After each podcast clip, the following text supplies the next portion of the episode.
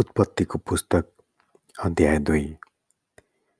यसरी आकाशमण्डल र पृथ्वी र तिनमा भएका सबै कुरा बनाइसिद्धिए आफूले गर्नुभएका काम छैठौँ दिनमा परमेश्वरले सिद्ध्याउनु भयो र सातौँ दिनमा आफूले गर्नुभएका सबै कामबाट उहाँले विश्राम लिनुभयो अनि परमेश्वरले सातौँ दिनलाई आशिष दिनुभयो। र त्यसलाई पवित्र तुल्याउनु भयो। किनभने आफूले सृष्टिमा गर्नुभएका सारा कामबाट यसै दिनमा उहाँले विश्राम लिनुभयो। आकाश र पृथ्वीका सृष्टिको वृत्तान्त यही हो। परमप्रभु परमेश्वरले आकाश र पृथ्वी सृष्टि गर्नुभएको दिन भूमिमा एउटै पनि वनस्पति थिएन र भूमिमा कुनै घाँसपात पनि उम्रेको थिएन। किनभने परमप्रभु परमेश्वरले पृथ्वीमा पानी वर्षाउनु भएको थिएन र भूमि खनजोत गर्न कुनै मानिस पनि थिएन।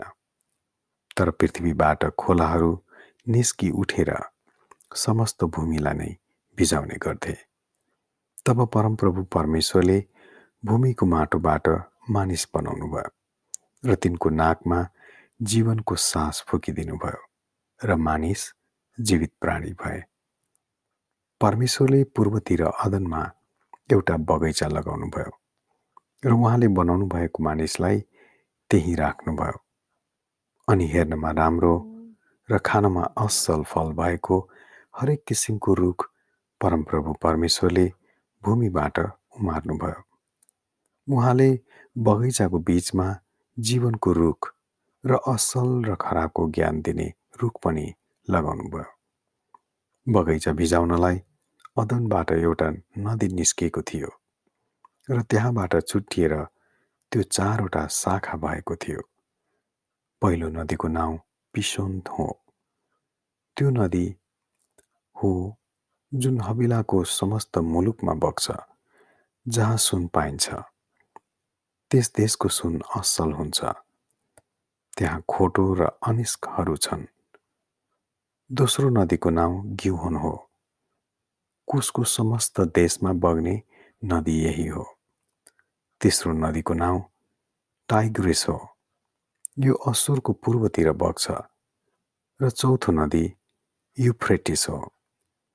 परमप्रभु परमेश्वरले मानिसलाई अदनको बगैँचामा लानु भई त्यसको गोडगाड र हेरचाह गर्न राख्नुभयो अनि उहाँले मानिसलाई यो आज्ञा दिनुभयो।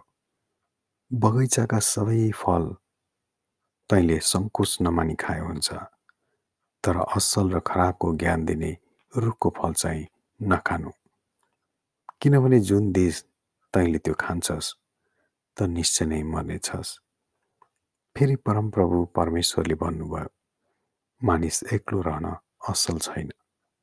म त्यसको निम्ति त्यसलाई सुहाउने एकजना सहयोगी बनाउनेछु। परमप्रभुले सबै वन पशु र आकाशका सबै पक्षीलाई भूमिबाट बनाएर मानिसले तिनीहरूको के के नाउँ राख्दो रहेछ भनी हेर्न तिनीहरूलाई मानिस कहाँ ल्याउनु भयो? र मानिसले हरेक प्राणीलाई जे जे नाउँ दिए त्यही त्यही नै त्यसको नाउँ भयो।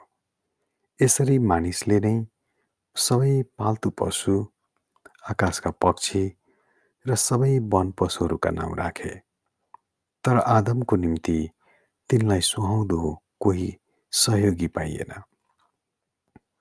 यसै कारण परमप्रभु परमेश्वरले मानिसलाई मस्त निन्द्रामा पार्नुभयो र उनी निधाएको बेलामा उनका करङहरू मध्येको एउटा निकाल्नुभयो।